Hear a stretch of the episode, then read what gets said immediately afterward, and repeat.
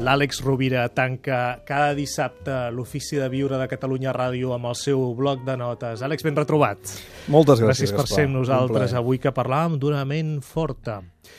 L'altre dia recordo que amb la Jenny Moix parlàvem amb l'Àlex Rovira d'un dels llibres de la Jenny de la col·lecció que dirigia l'Àlex Felicitat Flexible Sí, senyor. i l'Àlex potser aprofitaria per parlar de la flexibilitat mental, no? més que de la fortalesa mental, de la flexibilitat mental.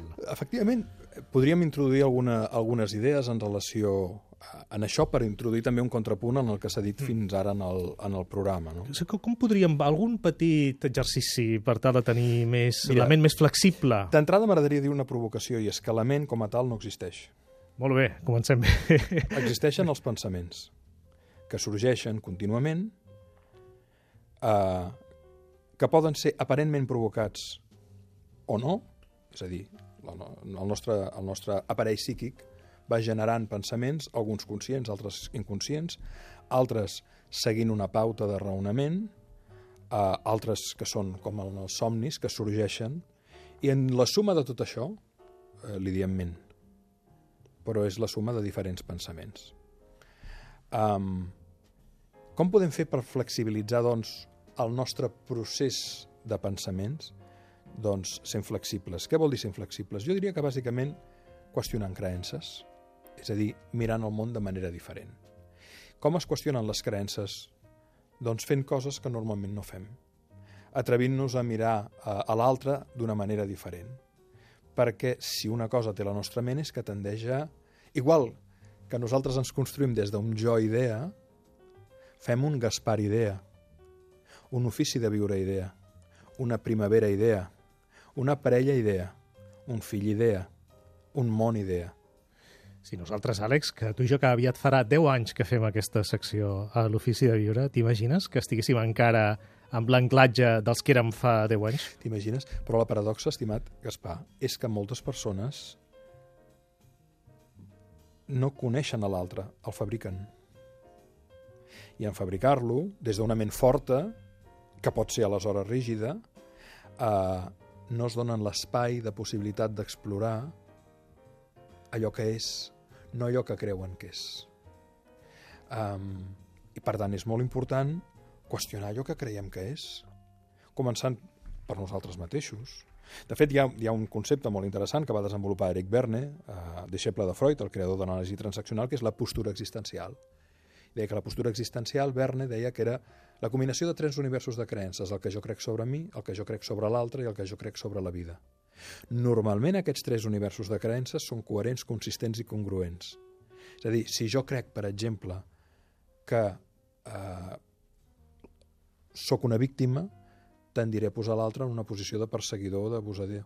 I, per tant, la vida serà molt dura. Els sistemes de crències són coherents.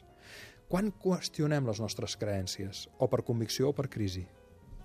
Normalment una crisi genera un disconfort psíquic molt fort perquè és un trencament de, la, de les creences que teníem. Sobre un mateix, sobre l'altre i sobre la vida. Si això arriba per compulsió és dolorós, però també ho podem fer per convicció. I aquí hi ha, per exemple, doncs, determinats treballs terapèutics. Un bon psicoanàlisi és un gran qüestionador de creences. Per tant, tornant a la ment flexible, per exemple, viure en el present, aquí i ara, Sí. veure l'altre tal i com és... I experimentar. Per exemple, jo fins ara he tingut aquest estil relacional amb aquesta persona. Me n'adono que mm, cada cop que ens veiem hi ha molta tensió. No he començat mai amb un hola i una broma. Què tal si li faig una broma d'entrada que no se l'espera? Què tal si li faig un petit obsequi, un detall? Petit. Uh, però que no s'ho espera. És a dir, flexibilitzar la nostra ment passa per introduir la creació de petites circumstàncies que generin un gap, un buit, en el procés que tenim establert i programat normalment, que és inconscient. Crec que amb això, de moment, els I per, nostres I oients... per tant, convocar el nen interior, l'humor, l'alegria, el factor sorpresa, és una manera de flexibilitzar la ment. Sí. Crec que entre això i el que hem dit abans, els nostres oients, els que ho vulguin, vaja, si els ve de gust, com ens deia l'altre dia l'Àlex Rovira, sí. tenen feina. És un joc. Moltes gràcies, Àlex. Una abraçada, Els oients també, moltes gràcies. Una abraçada.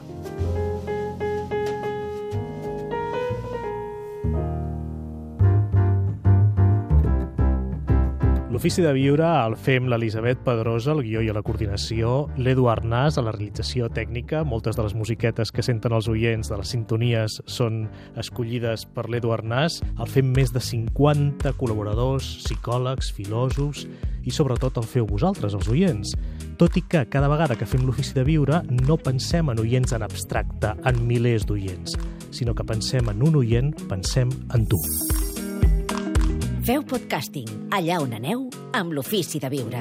Al web catradio.cat teniu tots els Ofici de Viure mesos a la vostra disposició per escoltar sempre que vulgueu. L'Ofici de Viure amb Gaspar Hernández. Un programa sobre conducta humana.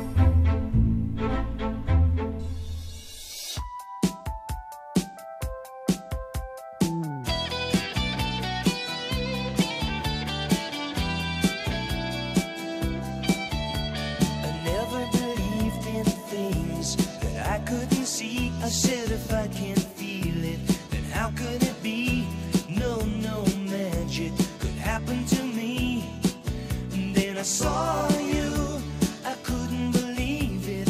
You took my heart, I couldn't retrieve it. Said to myself,